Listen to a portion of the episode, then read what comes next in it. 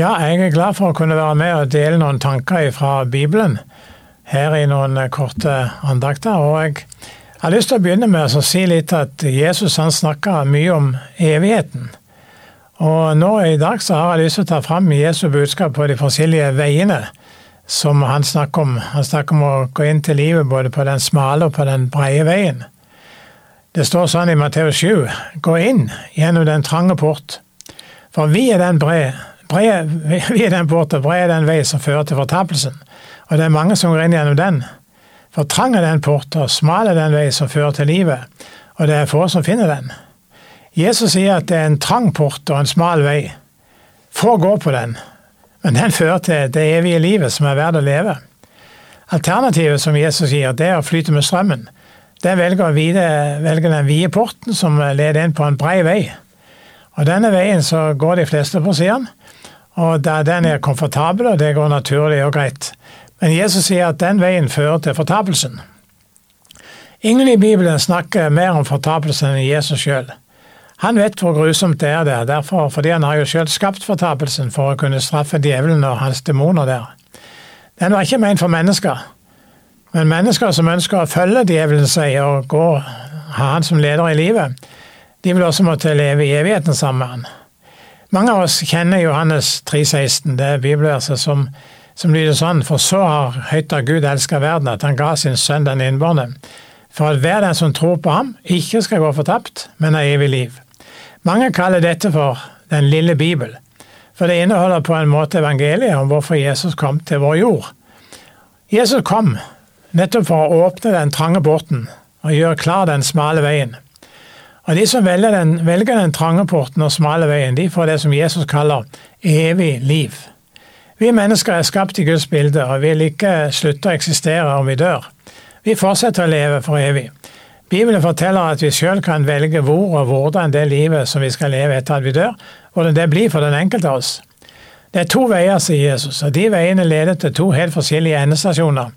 Enten til himmelen eller fortapelsen, som blir kalt helvete. Vi må selv velge mens eh, vi lever. Jesus forteller mye om hvordan det er i himmelen, men han forteller også mye om hvordan det er i helvete. I Bibelen har vi evangeliene, der det er mange uttalelser av Jesus, og hvor han beskriver begge alternativene. Og Helt fra starten på sin tjeneste her på jord, så ville Jesus peke på viktigheten av å forberede vårt evige liv. Han sier i Matteus 6,19.: Samle dere ikke skatter på jorda, der hvor møll og rust ødelegger, og hvor tyver bryter inn og stjeler. Men samle dere skatter i himmelen, hvor verken møll eller rust ødelegger, hvor tyver ikke bryter inn og stjeler. For der som skatten din er, der vil også hjertet ditt være. Jesus sier at vi har en himmelsk bankkontotype, hvor vi kan bygge opp en formue for vårt evige liv. Det livet som vi skal leve etter at vi dør. Jesus sier det på den måten, den som bare gir en av disse små et glass kaldt vann, og drikke fordi han er en disippel. Sannelig, jeg sier dere, han skal slett ikke miste sin lønn. De gode gjerninger som vi har gjort her i livet, og som kanskje er skjult for andre, de ser Jesus, og han vil gi oss lønn for det en dag. Jesus han kaller jo seg selv for menneskesønnen mange steder, og han sier i Matteus 25 at menneskesønnen, han selv, kommer til i sin herlighet, og alle de hellige englene sammen med han. Og da skal han sitte på sin herlighetstrone, og alle folkeslagene skal bli samla foran han. Han forteller at deres evighet den blir avgjort i forhold til hva de har gjort i livet. Og han sier at han skal si til noen jeg var sulten, og dere ga meg mat. Jeg var tørst, og dere ga meg drikke. Han forteller andre gode ting de har gjort, og som han er glad for. Og han, når han har ramset opp dette, så sier han Kom, dere som er velsignet av min far, og arv det riket som er gjort ferdig for dere, fra verdens grunnvoll ble lagt.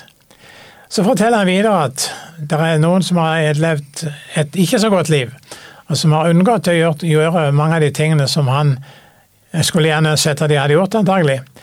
Men eh, han sier til de, gå bort fra meg, dere som er forbannet, til den evige ild som er gjort ferdig for djevelen og hans engler. Og så sier han hvorfor. Så sier han, jeg var sulten, og dere ga meg ikke noe å spise. Jeg var tørst, og dere ga meg ikke å drikke, og mange andre gode ting som de ikke hadde gjort. Vi velger sjøl om vi vil gå på den smale eller breie vei. Vi har alle gjort synd og negative ting i livet, og fortjener derfor ingen evig herlighet. Derfor var det at Jesus kom, og vi fikk en mulighet til å tro på han. Han er nemlig den eneste som kan tilgi synd. Synd, det var onde gjerninger. Om vi velger å tro på han, så vil han gjøre to viktige ting for oss. For det første så vil han tilgi alle våre feiltrinn, vår synd. Og to, han vil gi oss sin nåde, som gjør at det blir slik som det står i Titus 2. Den nåden, den oppdrar oss for at vi skal fornekte ugudelighet og verslige lyster og leve edruelig, rettferdig og gudfryktig. Nåden, den er en oppdrager, og god oppdrager. Ved troen på Jesus blir vår synd tilgitt, og Jesus gir oss et nytt liv. Et nytt hjerte, sier han, som ønsker å følge han, sånn som Bibelen sier det. Det står blant annet der jeg skal gi min ånd i deres indre. Og jeg skal gjøre at det er sånn at dere vandrer etter mine lover, så dere holder mine befalinger og gjør etter den. Med sin ånd som han gir vårt indre. Når du har valgt Jesus som sjef i livet, så vil du med glede gå gjennom den trange porten og inn på den smale veien.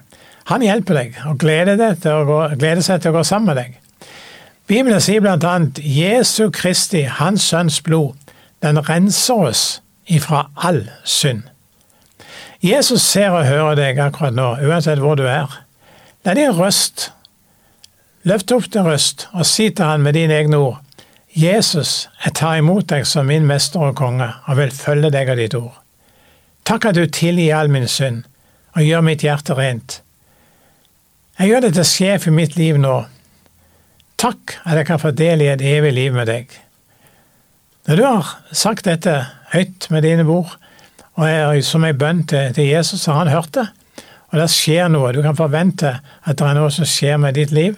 Du kan få lov til å være på vei på den smale veien som fører deg til en evig herlighet med Jesus. Må Gud velsigne deg.